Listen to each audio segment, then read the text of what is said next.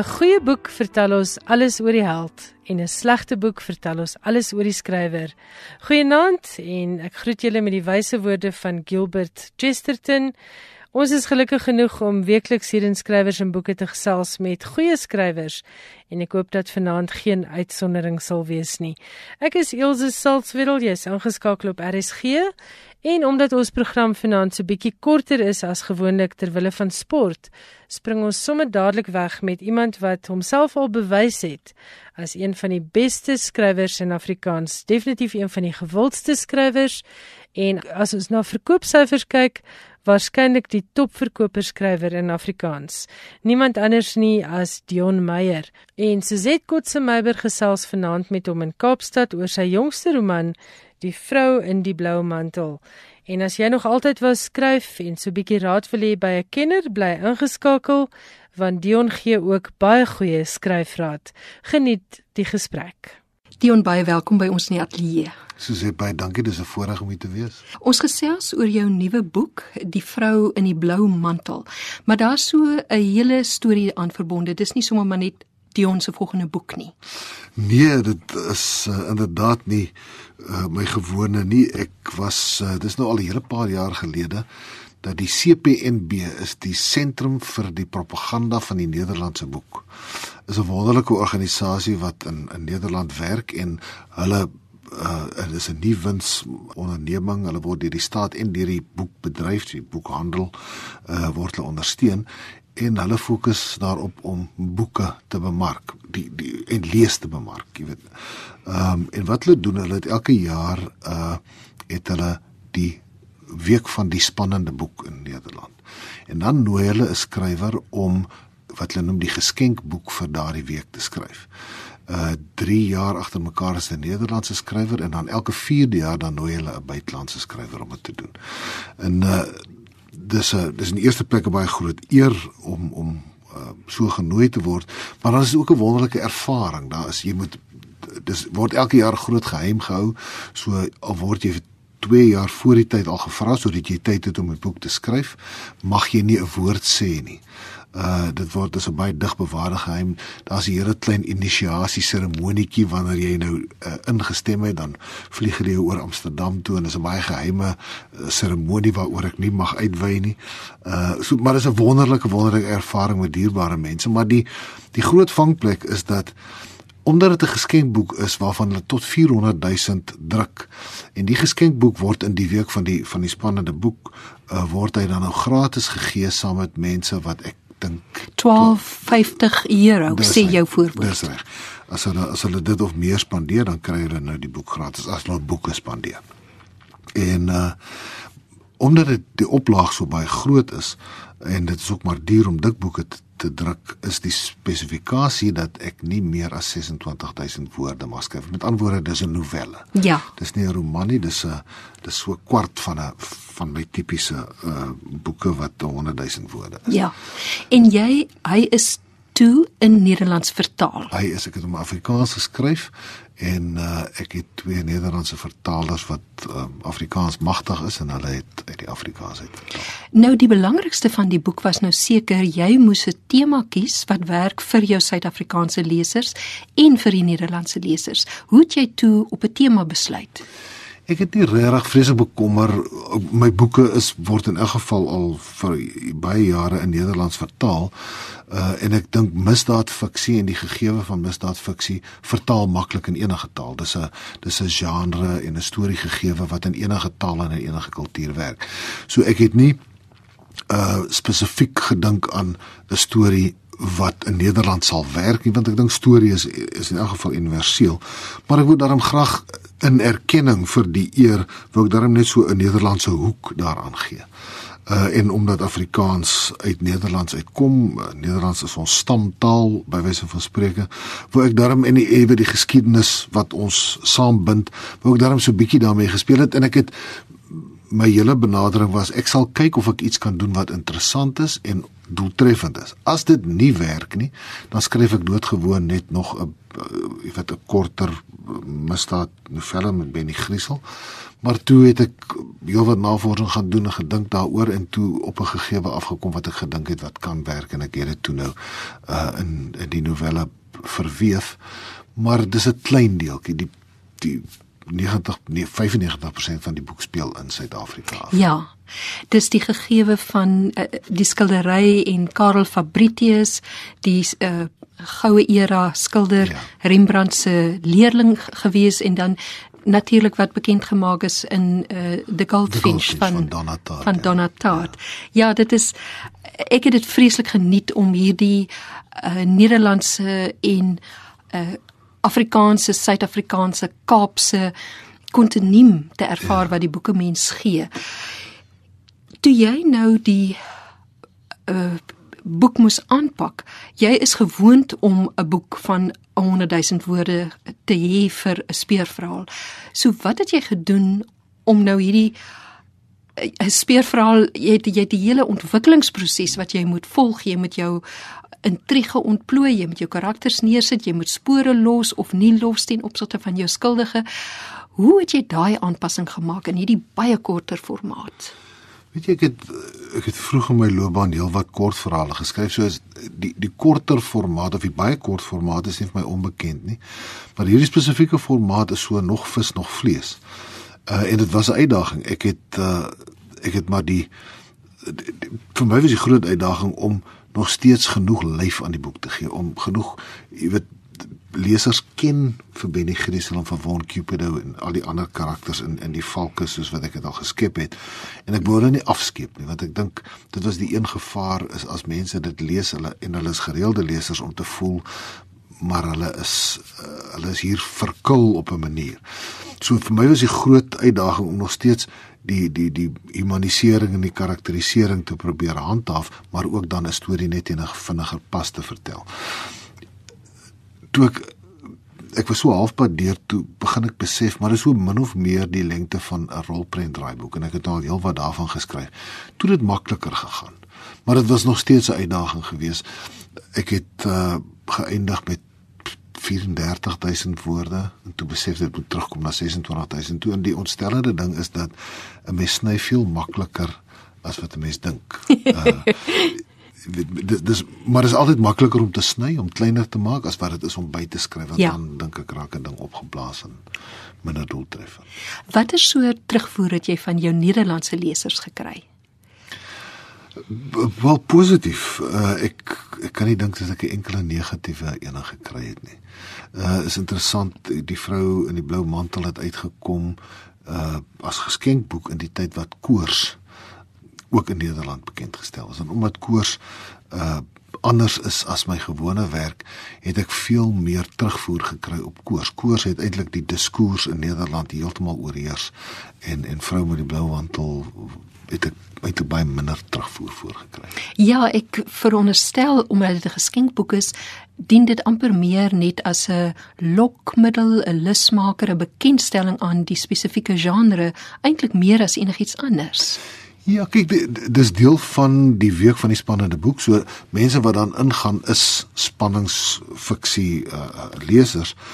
Vir my was dit 'n geleentheid geweest om my werk aan 400 000 Nederlandse lesers uh, bekend te stel.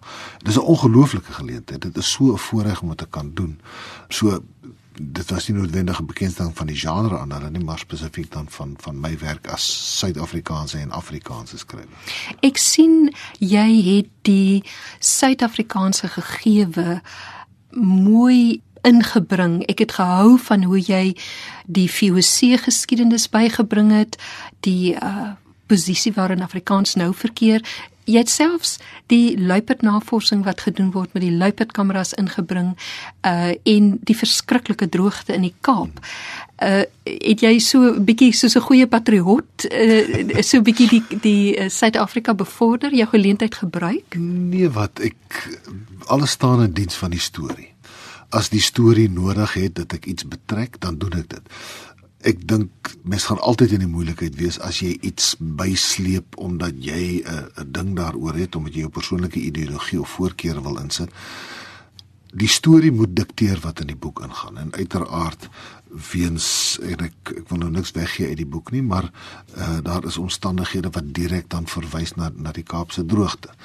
Ehm um, ek probeer my karakters ook loslaat in 'n uh, omgewing wat so eg as moontlik is. Almal weet dis droog in die Kaap soos as my lesers dit gaan lees en en Benny Griesel stort byvoorbeeld vir 'n halfuur dan ek, dit sal nie goed werk nie. So ek ek het niks doelbewus gedoen nie. Die storie besluit uh wat in die in 'n boek of in 'n storie uh, gaan ingesluit word. Dion, jy het nou, ek het die lysie getel, jy het 18 publikasies in 'n skrywersloopbaan wat in 94 begin het, so ons praat also van amper 25 jaar. Wat is jou sleutel tot sukses? Want jy's 'n uiters suksesvolle skrywer, dit spreek van self. Jong, aanhou met aanhou met skryf. Ek dink skryf is soos enige vaardigheid uh slyp mense dit hoe meer jy dit doen hoe, hoe meer slyp jy dit ek as ek terugkyk na my heel eerste roman dan is ek 'n bietjie skaam oor die gehalte daarvan. Ek dink nie dit was baie goed geweest nie. Uh, maar met elkeen leer mense les. Ek leer vandag nog met elke ding wat ek skryf. En ek dink die die belangrike ding is dat 'n mens moet altyd ontvanklik wees vir leer. Jy moet jouself 'n bietjie blootstel uit jou gemaksone uithaal, iets nuuts probeer. Want 'n mens moet aanhou met groei. Ek dink die grootste gevaar vir 'n skrywer is om te dink, maar ek is darm nou oulik, ek hoef nie meer te probeer nie. 'n mens moet elke keer vir jouself 'n bietjie van 'n hoër standaard stel. Elke keer iets nuuts probeer. Elke jy moet aanhou met groei, dis maar die groot ding. Was dit 'n motivering vir jou om te besluit om die MA graad in kreatiewe skryfwerk te gaan doen? Absoluut. Jy weet in in daardie stadium het ek maar by die huis gesit en skryf in in in Afrikaans en in Suid-Afrika is daar nie 'n geweldige groot skrywersgemeenskap in elk geval veral nie toe nie. Daar's nou al vandag is daar heel wat meer skrywers ook in die genre, maar ek was destyds was ek die enigste Afrikaanse misdaadskrywer gewees. So dis nie asof 'n mens by 'n klomp ander mense kan gaan kers opsteek of jou lot gaan kan bekla, jy weet of net gaan gesels nie. En die die die M was 'n wonderlike manier vir my om in die eerste plek onder Marlene van Niekerk uh so so vlerk te kan werk. Sy is 'n fenominale, ongelooflike, wonderlike mens en ek dink ek het meer by haar geleer as as by enige iemand anders in terme van skryfwerk. Maar dan het jy ook al jou klasmaats en hulle lees elke maand wat jy skryf, hulle gee terugvoer. Uh so dis heeltemal anders as die eensame net jy en jou werk wat wat sit en jy weet nie regtig hoe goed dit is nie. So dit was vir my 'n wonderlike leerkurwe en 'n ongelooflike ervaring en ek is baie bly ek het dit gedoen. Inteendeel, ek het al gedink ek wil dit dalk weer doen, nog dieselfde graad weer doen, uh, net om weer daai blootstelling te hê. As jy sopas die radio aangeskakel het en wonder wie gesels so lekker, dit is Dion Meyer in gesprek met Suzette Kotse Meiburg en jy luister nou na skrywers en boeke hier op RSG. Geniet die res van die gesprek. Jy het die 'n graad gaan doen alreeds as 'n gevestigde en suksesvolle skrywer. Sou jy sê dat enige iemand daar buite wat sê maar ek wou nog altyd skryf. Ek het hierdie diepe begeerte in my hart van ek wil ook 'n skrywer wees. Sou jy so iemand aanbeveel om een of ander kwalifikasie, goeie kursus of selfs 'n graad of so in skryfkunde formele kwalifikasie te gaan doen? Ja, ek dink daar's absoluut plek daarvoor. Ek dink as iemand wil begin skryf, die eerste ding is lees. Lees as jy nog nie vir 10 jaar lank verskriklik baie gelees het in die genre waarin jy wil skryf nie, dan moet jy glad nie skryf nie, want lees ek glo ons skryf almal vir net een leser en dis die leser binne ons. En jy kan daai leser binne jou kan jy net inlig en bemagtig en afrig as jy lees. Jy moet die leser in jouself blootstel aan die beste in die wêreld en soveel as moontlik daarvan sodat jy minstens kan onderskei wat werk en wat werk nie. En as jy dan vir 10 jaar lank intens gelees het en dan sou ek sê uh is 'n baie goeie beginpunt byvoorbeeld die ATKV skryfskool bied wonderlike kursusse ek dink uh, dit 'n somerskool en 'n winterskool of 'n lenteskool. Ek vergewe my, ek ek onthou nie die detail nie. En as jy dit klaar gedoen het en jy het al 'n bietjie geoefen, dalk 'n paar kort verhale gepubliseer of minstens aan 'n manuskrip al gewerk, dan dink ek is is die M 'n wonderlike ding. Ek sou sê en ek eh, ek is seker dit verskil van van mens tot mens, maar ek sou sê dis nie 'n af, goeie afspringpunt nie. Uh jy gaan in elk geval sukkel om kering te kry, maar dis definitief iets wat jy in jou in jou skryfloopbaan kan inwerk, maar ek sou sê doen eers die ATKV. Daar is ander kursusse, ek het dikwels bedenkinge oor oor van die goed. ATKV sinne is is onberispelik en wonderlik. Ek was self al deel daarvan gewees. Ehm um, en daar's 'n paar uh, M-graad geleenthede in Suid-Afrika, die in my Stellenbosch is die een wat ek ken, maar daar's ander wat ook goed is. Wat het jy by Marlene van die Kerk geleer? Die belangrikste ding wat jy as 'n speurverhaalskrywer by haar geleer het? Sjoe, nou so baie. Ek dink byvoorbeeld net in karakterisering, hoe om jou in die skoene van jou karakter te plaas, hoe om uh, beter perspektief deur jou karakter, deur jou karakter se oë te kan sien. Dis een van die van die van die vaardighede wat sy my geleer het. Jy weet, dit was so 'n wonderlike kursus want Marlene gee vir 'n mens geweldig baie leeswerk wat jou horisonne verbreed en jou jou blootstel aan uh die denke in die letterkunde wat wat jy nie andersins sou aan blootgestel gewees het nie. En elke stukkie daarvan maak net jou kop so bietjie meer oop. En dan die reaksie wat wat Marlene en Michiel Heinz en die klasmaats op werk gehad het, klein goeters wat hulle sê wat jou net altyd maar laat besef dat uh, jy is so subjektief met dit waarmee jy hier so nou besig is dat dit goed is om om om oop te maak en die goed lig te gee dat ander mense ook daaroor praat. Van al hierdie jare van skryf, wat is nog steeds vir jou die moeilikste? Alles is nog moeilik. As skryf maklik was, sou ek twee boeke 'n jaar gedoen het. Eh, daar is niks maklik aan skryf vir my nie. Dit beteken nie dat dit dat dit nie lekker is nie. Maar om a, om 'n nuwe boek mee te begin, om onseker te wees oor is dit die regte storie wat ek nou 'n klomp tyd en aandag en 'n navorsing en en dan nou skryftyd gaan bestee. Die eerste helfte van 'n boek is so 'n moeilike ding want elke boek se stem en tekstuur en timbre is anders. En ek wil amper sê die eerste 2/3 is verskriklike bloedsweet en dan begin hy lekker uh, vinniger loop en lekkerder skryf en so aan. Maar alles is is moeilik. Selfs 'n karakter soos Benny Griesel wat ek nou al in 'n hele klomp boeke behandel het. Benny word ouer. Jy moet sorg dat hy ook aanhou met groei, dat hy ryper word so met die ouderdom. Dat sy persoonlikheid nie stagneer, dat hy nie elke keer dieselfde is nie, want dit die lewe werk nie so nie. So daar is so baie uitdagings, daar is so baie uh dinge wat moeilik is. Jou jou lesers se verwagtinge raak hoër en hoër. Hulle wil aanhou verras word, hulle wil aanhou met vermaak word. Jou uitgewers en jou agent se verwagtinge is hoër en die druk raak groter. So soos wat 'n mens se sukses hopelik vorder, so vorder die druk ook om om nog te verbeter en uh dis moeilik. Kan ek vra uh, of jy 'n gunsteling boek het van jouself? Die een wat jou die naaste aan jou hart lê. Ek het vir baie jare gesê my boeke is baie soos my kinders, ek is vir hulle almal ewe lief totdat ek koers geskryf het. Koers is die boek wat my die meeste vreugde as skrywer gegee het om te skryf. Uh dit was vir my die mees intense skryfervaring en dis die eerste keer, jy weet elke keer wanneer mens met 'n boek begin, dat jy 'n sekere hoopvolle visie van wat jy graag wil bereik. En voor koers het ek elke keer gedink, "Wel, ek het naby gekom, maar ek het nie heeltemal gekom by dit wat ek wou bereik het nie. En koers was vir my die boek waar ek waar ek wel daarby uitgekom het en dit beteken vir my ontsaglik baie. En jy het al so baie pryse gewen. Dit is uh, ek dink vir Afrikaanse lesers ook daai ding van maar ons is almal trots op Dion Meyer want hy's ons skrywer. Hy's Afrikaanse skrywer en hy ding mee op 'n wêreldverhoog en hy wen Nederlands, Sweeds, Franse, Amerikaanse pryse. Is daar 'n prys van die baie wat jy nou al gewen het wat vir jou die naaste aan die hart lê? Sjoe, nee, ek kan ek kan nie regtig iets. Is jy weet elke elke prys is 'n mylpaal iewers op 'n mens se pad waar jy dit verskriklik op 'n spesifieke manier waardeer dit. Uh my eerste ATKV prosa prys, my die eerste ATKV spanningslektuurprys was my was my wonderlik. Maar dan daai ek het ek dink die eerste groot internasionale prys was 'n Franse prys en dit het vir my geweldig baie deure oopgemaak. Dit het ook in Suid-Afrika verskil gemaak in Afrikaans.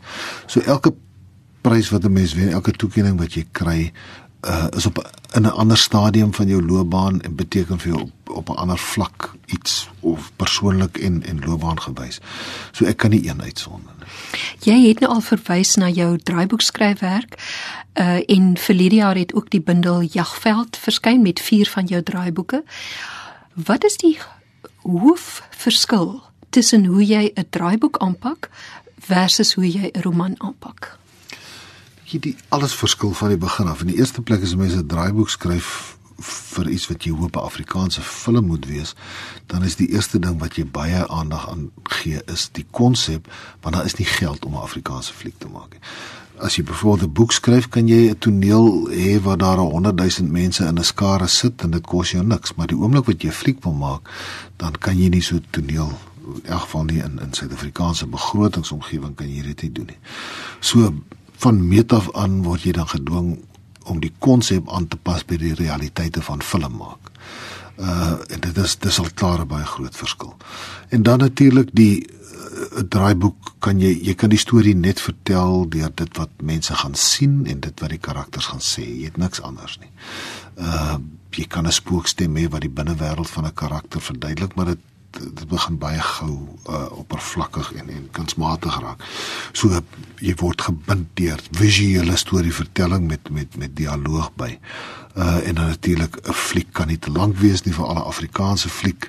Uh praat ons van min of meer 90 minute, tussen 90 en 100 minute terwyl met 'n boek kan 'n mens jy kan so lank skryf as wat jy wil die lekkerte van van fliek maak uh, is dat dit is nie 'n eensame ding soos boek skryf nie.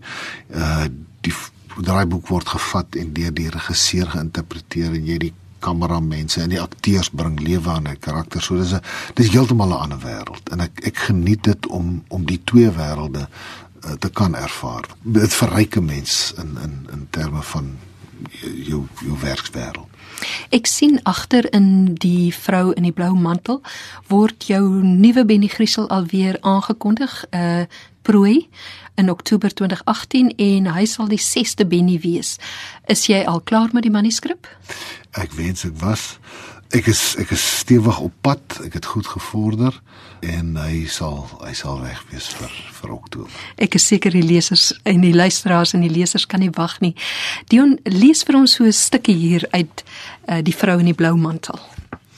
Ek doen dit graag. Dis 'n toneel met uh, Von Cupido en Benny Griesel.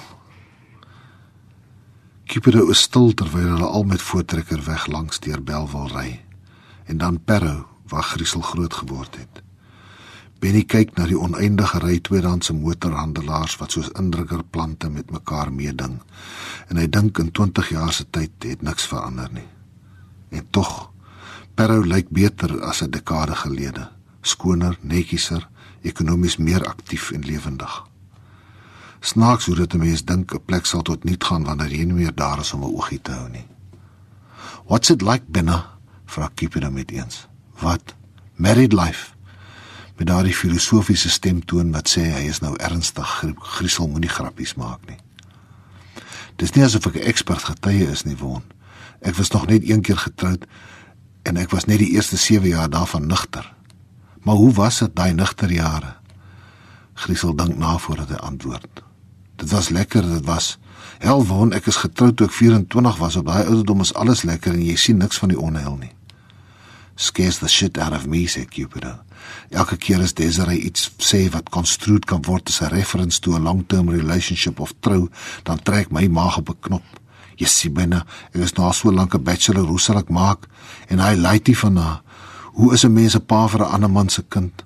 Want hy soek dit, kan sien hy soek 'n pa of at least 'n fatherly figure. Daar is 'n ruklanke stilte tot Cupido sê: "Ek weet dis nie my besigheid nie, but why now? If it ain't broken for what will julle nou 'n relationship try fix met 'n marriage?"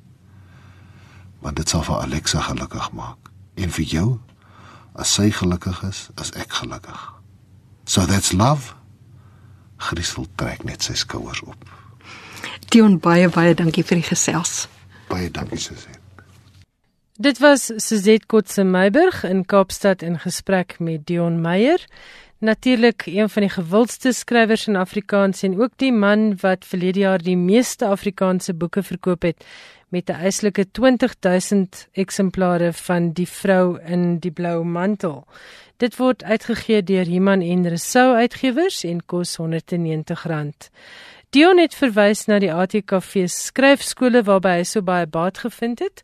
Dit is iets wat ek ook beslis kan aanbeveel. Ek weet van heelwat skrywers wat hulle skryfvaardighede nie net daar ontdek het nie, maar daar verder geslyp het. En vanjaar is daar 'n effense verandering aan die ATKV skryfskool se kalender.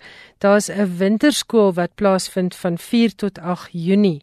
Ek het met Bernard Odendaal gepraat. Al die besonderhede is nog nie vasgemaak nie, maar sodra ons dit het, dan gaan ek vir Bernard ateljee toe nooi dat ons 'n bietjie kan gesels oor hierdie jaar se ATKV winterskool van 4 tot 8 Junie. Luister gerus skrywers en boeke en hou ook sosiale media dop. En nou gaan ons gesels oor kinders wat nie lees nie. Die land het einde verlede jaar rond behoorlik gegons toe die internasionale groep Progress in International Reading Literacy Study se internasionale verslag oor geletterdheid wêreldwyd bekend gemaak is. Suid-Afrika het maar vrot gevaar met ongeveer 8 uit elke 10 graad 4s wat nie behoorlik kan lees nie. Nou is daar baie vingers gewys heen en weer oor wie verantwoordelik is. Is dit die skool? Is dit die ouers? Uh of wat is die rede daarvoor? Daar is 'n hele klomp redes. Kenners sal jou vertel dat 'n kind byvoorbeeld 'n ouer moet sien lees voordat 'n kind self van lees gaan hou. Daar is ander wat sal sê 'n kind gaan nie lees as daar nie vir hom voorgeles word nie. Ander gaan die skole blameer, maar hoe dit ook al sê, daar is iets wat jy as lesende ouer of grootouer hieraan kan doen. Ek het dit goed gedink om 'n onderhoud uit die argiewe te gaan haal wat ek so 4 jaar gelede gevoer het met Josie Palmer en Reinet Lombard. Hulle is die skeppers van Lapa se Tippie leesreeks. Nou, dit is 'n progressiewe leesreeks. Hulle sal in die insetsel verduidelik presies wat dit is. Maar dit help kindertjies van so 6 jaar oud om op hulle eie tyd en met die hulp van 'n lekker interessante storie en 'n werkboekie te begin om die basiese beginsels van vlot lees onder die knie te kry.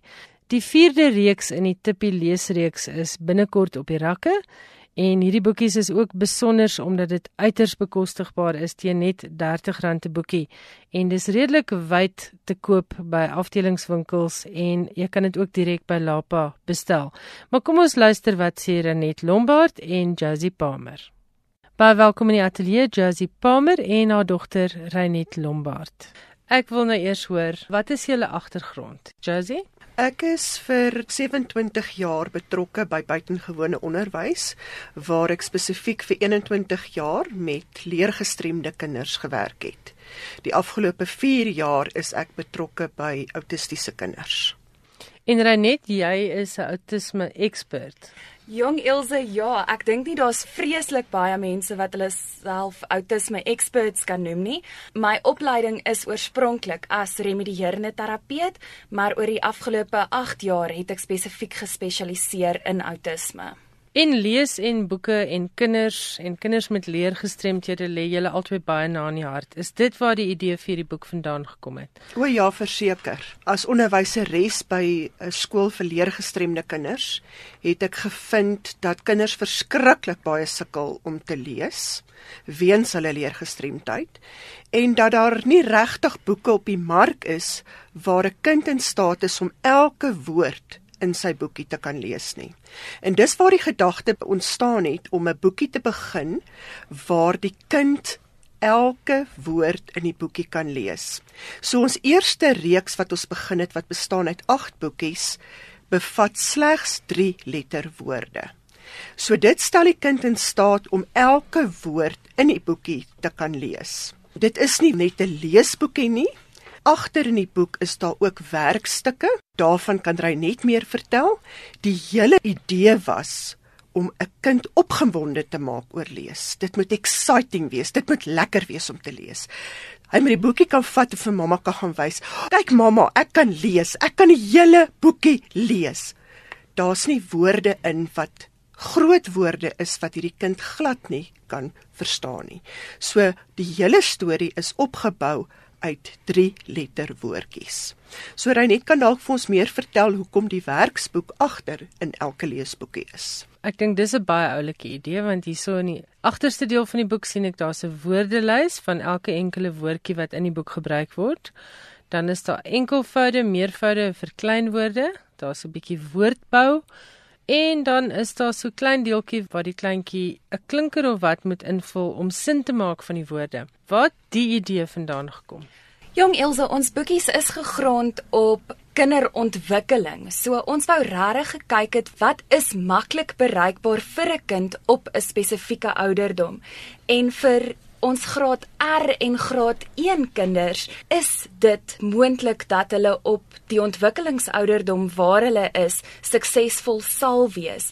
Hierdie aktiwiteite agter in die boekie is ook om begrip vas te lê. Dit help glad nie dat 'n kind kan lees, maar dat 'n kind nie met begrip lees nie. En as 'n kind nie kan lees nie, kan 'n kind nie leer nie. Ook so baie keer sien ons dat lees en taalontwikkeling apart van mekaar staan in skole. So ons wou hierdie twee konsepte bymekaar uitbring dat dit wat ons lees ook te doen het met taal. Daarom die verskillende taalaktiwiteite. En die boekies het elkeen eie storieetjie. Hierso's Hallo Tippie is die eerste boekie. Tippie is 'n baie baie pragtige pers olifantjie. Tippie en die hen, Tippie se jas, Tippie en die kat, Tippie en die bok, Tippie en die kam tippie se bal en tippie in die by en dis baie baie kleurvol geïllustreer en dit is oulike basiese storieetjies. Waar het tippie vandaan gekom? Dit was maar 'n kopkrap waar ons gesit het met 'n karaktertjie wat ons wou gehad het wat van kon wees. En ja, ek weet nie regtig op 'n dag is tippie net gebore weet nie waar hy regtig vandaan gekom nie. En jy het spesifiek nou ook diertjies gekies in plaas van 'n mens. Ja, want dit moet pret wees. Dit moet lekker wees. Dit is die hele idee van die leesreeks. As mamma byvoorbeeld 'n tydskrif gaan koop om te lees, sou die ideaal wees dat mamma so 'n tippieboekie vir die kleintjie koop dat die kind saam met mamma kan lees. En hierdie eerste reeks is regtig op die vlak van graad R in graad 1. En dan ook dat die kind nie net die boekie kan lees, maar dat daar ook interaksie met mamma en kind kan wees of met ouma en kind of met onderwyser en kind of met terapeut en kind. Omdat daar begripsvragies is oor die boekie, byvoorbeeld tip in die bal, watter kleur is die bal? So onmiddellik begin jy daai nie net lees nie, jy begin jou begrip ook ontwikkel. En dan is daar ook van aktiwiteite waar 'n klomp lettertjies is waar die kind die woord moet soek. Hy moet die woord met die prentjie kan verbind waar hy lyne moet kan trek. Daar's prentjies wat hy kan inkleur. So dit kan regtig waar vir ma en kind 'n lekker aktiwiteit wees, maar ook die kind kan na ouma toe gaan en vir ouma gaan sê, "Weet ouma, ek het vandag my eerste boek self gelees." Ons wil daai trots ook kweek by 'n kind. Dat 'n kind nie begin lees en nou hak hy vas by 'n woord wat hy geen idee het wat is die woord. Hy kan dit nie lees nie, hy kan dit nie spel nie. Hy kan dit nie verstaan nie. Hy kan dit nie verstaan nie. So hierdie vlak 1 is regtig waar op die vlak van die kind. En as onderwyseres wat met leergestremde kinders gewerk het, het ek regtig gevoel dat die behoefte daar is dat ons vir 'n kind daai liefde vir lees weer. Daai liefde vir lees ontstaan wanneer 'n kind sukses ervaar en daar is verskriklik baie Afrikaanse boekies beskikbaar op die mark, maar dit is nie op kinders se ontwikkelingsvlak geskryf nie. So mamma kan dit lees, maar 'n kind is nie in staat om dit self te ja. lees nie. En leer my lees met Tippie wil ons spesifiek hê 'n kind moet self kan lees. Ja, ek dink dit is vir my die die wonder en die oulikheid hiervan is dat dis definitief nie bo 'n kind van 5, 6 en 7 se vuurmaakplek nie. En dit voel dink ek die die skoolkurrikulum baie aan. Dit is nie iets wat buite sy verwysingsraamwerk gaan val nie.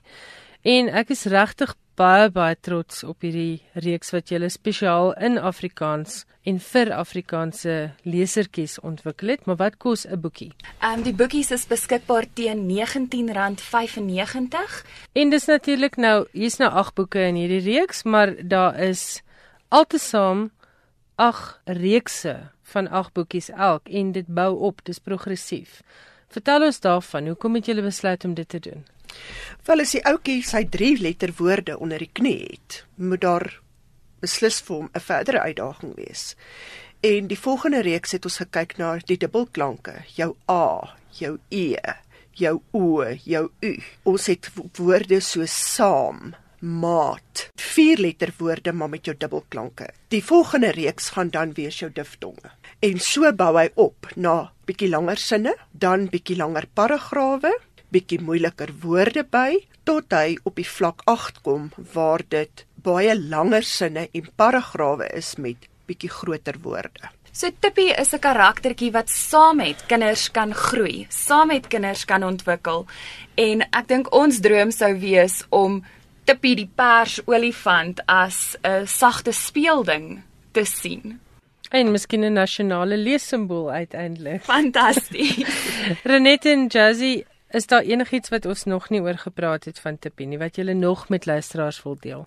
Weet jy, my groot storie nog is dat hierdie boeke absoluut ideaal is vir tweede taallesers. Want om die Afrikaanse taal te kan lees en te kan bemeester, is vir ons tweede taalgebruikers baie baie moeilik. En boeke waarna ons gekyk het, daar's fantastiese boeke op die mark. Maar vir die vlak waarop 'n kind self kan lees, is daar 'n leemte. En boonop in 'n tweede taal. En 'n tweede taal verseker gaan maak dat kinders Afrikaans dink ek baie makliker kan bemeester want dit gaan op 'n vlak wees wat hy dit sukses kan bereik. Hy gaan dit kan lees en hy gaan die werksopdragte kan doen alles in Afrikaans. Ons sien dit as 'n kind wat min of meer net as ek reg graad 3 wat dan op Afrikaans graad R vlak. En so gee jy vir jou tweede taalleser wat ek dink in ons land 'n baie baie groot probleem is die geleentheid om saam ook in die taal in te groei met die ontwikkeling. Ek dink dit is vir my die wonderlike aspek van die boeke is die groei aspek. Dit is nie iets wat 'n kind gaan verveel nie. Die illustrasies is kleurvol. Daar is eenvoudige storieetjies, maar daar's storieetjies en daar is die kans om uiteindelik mettertyd en op 'n goedkoop manier want 1995 is nie baie nie gereelde nuwe leesstof te kry en so 'n liefde vir lees te kweek. Ek wil vir julle sê baie geluk. Ek wil vir Lapa uitgewers sê baie geluk met hierdie inisiatief wat julle geneem het en ek wil vra dat luisteraars dit asseblief ondersteun. Dit is regtig goedkoop genoeg dat jy selfs vir 'n skool in jou omgewing waar jy weet daar kinders is wat sukkel met fondse en sukkel met toegang tot leesboekies dat jy self vir hulle 'n reeksie kan aankoop en kan skenk.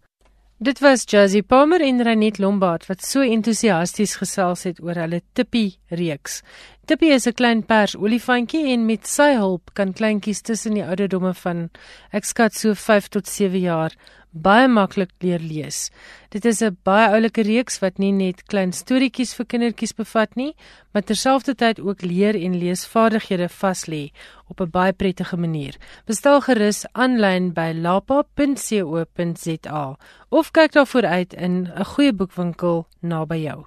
En soos ek reeds gesê, dis baie bekostigbaar teen R30 per boekie en die 4de tipe reeks is nou beskikbaar. Skrywers en boeke elke woensdag aand tussen 8 en 9. Johan Meiberg is nou by my in die ateljee met sy internasionale insetsel. Johan, baie welkom hier by Skrywers en Boeke. Hallo Ilse. Ursula K. Le Guin, die vrou wat in 2016 deur The New York Times beskryf is as Amerika se vernaamste lewende wetenskapfiksie skrywer, is verlede week in haar huis in Portland, Oregon dood. Sy was 88.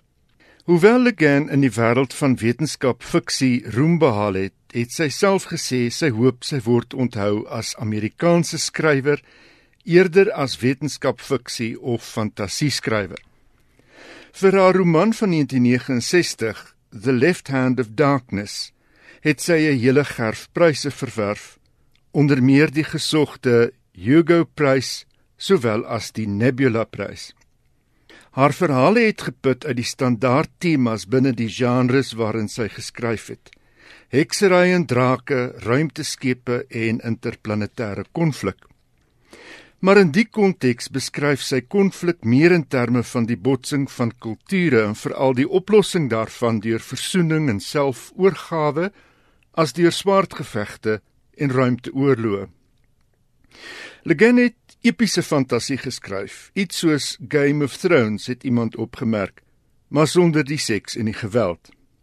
Le Guin het in 1959 gedebuteer met Rocannon's World, een van talle boeke wat sy in alternatiewe geskiedenis plaas of in die toekoms.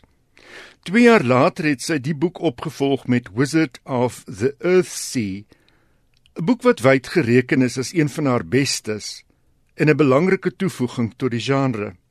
Dit was Margaret Atwood wat na die boek verwys het as een van die opwellende bronne binne fantasie leesstof. In 'n onderhoud met The Guardian het Le Guin in 2016 gesê: "Realisme is 'n genre boonop 'n besondere ryk een wat ons 'n lot wonderlike fiksie bied." Maar die realisme die standaard vir kwaliteit te maak en so die letterkunde te beperk, laat ons te veel ernstige skryfwerk ernstig buite oorweging. Te veel verbeeldingryke babas is al met die badwater uitgegooi.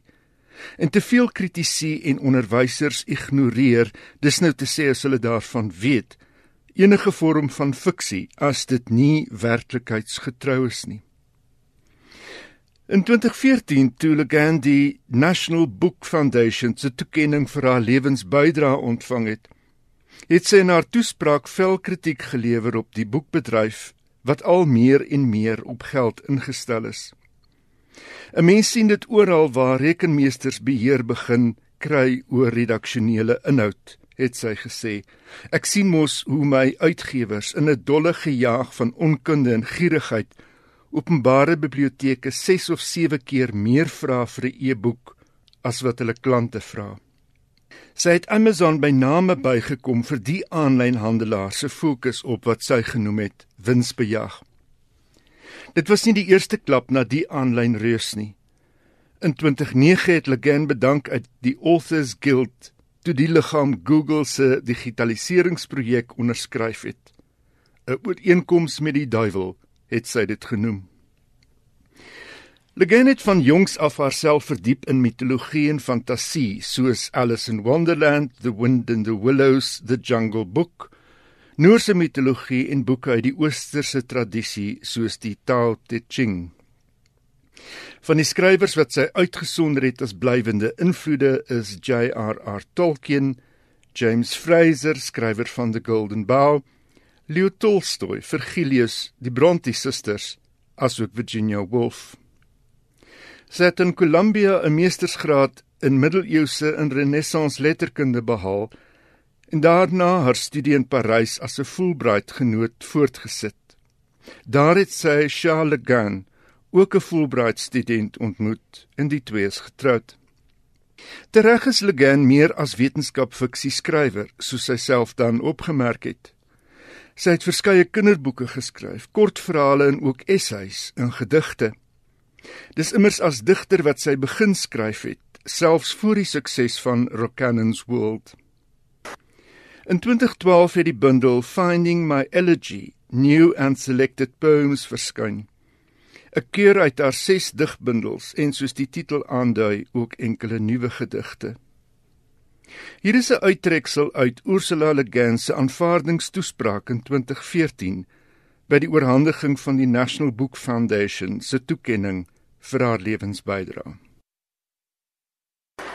Books, you know, they're, they're not just commodities. The profit motive is often in conflict with the aims of art. We live in capitalism.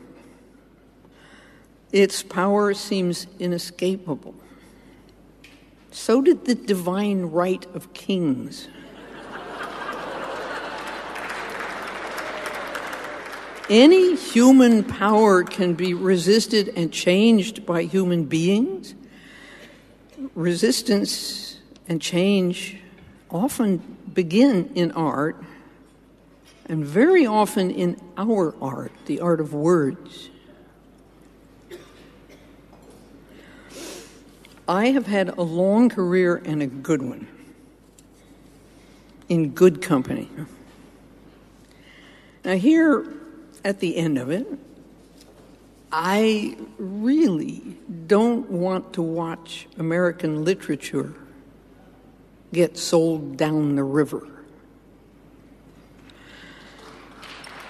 We who live by writing and publishing want and should demand our fair share of the proceeds. But the name of our beautiful reward is not profit. Its name is freedom. Thank you.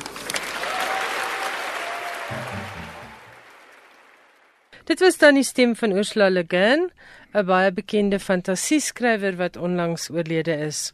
Johan, lees jy fantasie? Ek moet sê nee. Wil mense Tolkien gelees in die Sulcus, The Golden Bough, maar ek lees nie Ja, en ek sit nou en luister na jou en ek hoor nou die aanklag van winsbejag en so, maar nou moet ek daarom ook vir uitgewers 'n lansie breek en sê ek dink hulle volg hulle volg hulle lesers getrou en as fantasie nie heeltemal so goed verkoop nie, dan dink ek maak dit net vir die volgende fantasieskrywer bietjie moeiliker. Ek dink daar's so 'n ongelooflike mark daar buite vir fantasie wat wat ek nie van weet nie. Ja, ek sal graag van die luisteraars wil hoor hoeveel van julle lees fantasie en of julle voel daar word genoeg gedoen vir skrywers van fantasieboeke of uitgewers genoeg omgee of nie. So laat weet vir my, die SMS nommer is 45770. Dink jy uitgewers doen genoeg vir fantasie skrywers? Jou volgende bydrae is oor Jermaine Greer. Dis reg. Die Australiese skrywer van onder meer The Female Eunuch wat in 1970 verskyn het, en wat onlangs aangewys is as Australier van die jaar.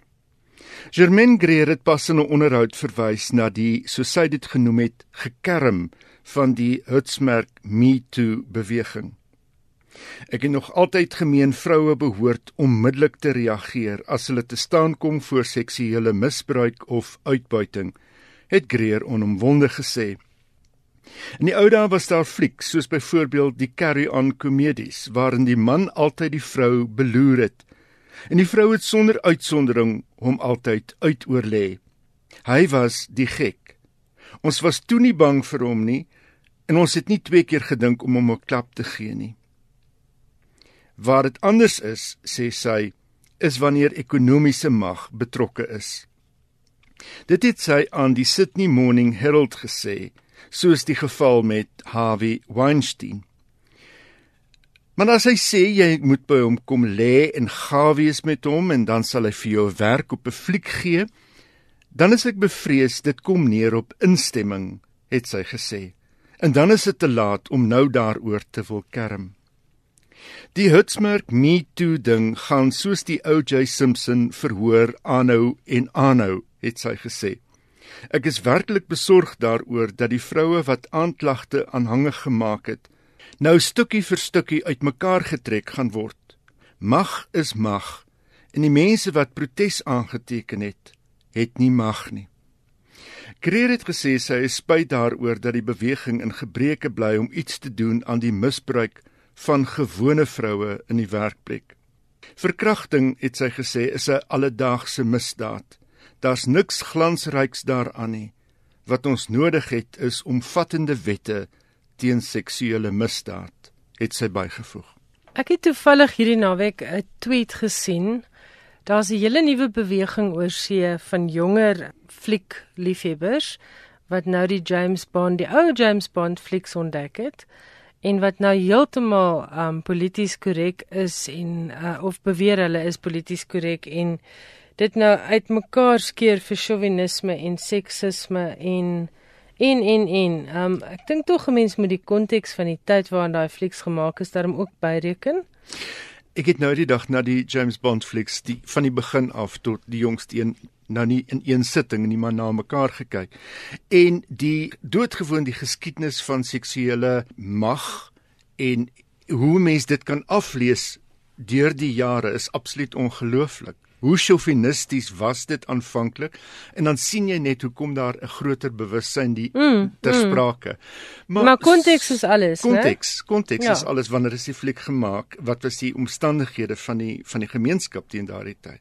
En wat was die sosiale denke en Inderdaad, wanneer so, was die bewussyn? Dit bepaal tog die die die sedes hoe mense oor goed dink. Baie interessant. Uh jou laaste bydra is oor 'n Chileense digter as ek nou reg onthou. Dis reg, Nicanor Parra. Hy was voorheen aangewys as wenner van die Cervantes-prys, die belangrikste literêre prys in die Spaanssprekende wêreld. Nicanor Parra is verlede week dood. Hy was 103. In soverre 'n skrywer se werk voorgelê kan word vir oorweging vir die Nobelprys vir letterkunde, is Paragloot minstens by 4 geleenthede genoem as 'n moontlike aanspraakmaker op die prys. Para het met sy verse 'n mate van skeptisisme na die digkuns gebring. Hy het tradisionele poëtiese forme en tegnieke verwerp en geëksperimenteer met prosaverse met alledaagse en selfs groteske humor en het eerder van antiverse gepraat as verse. Sy subversiewe en speelse verse het 'n invloed gehad op skrywers van Thomas Merton tot die beat generasie.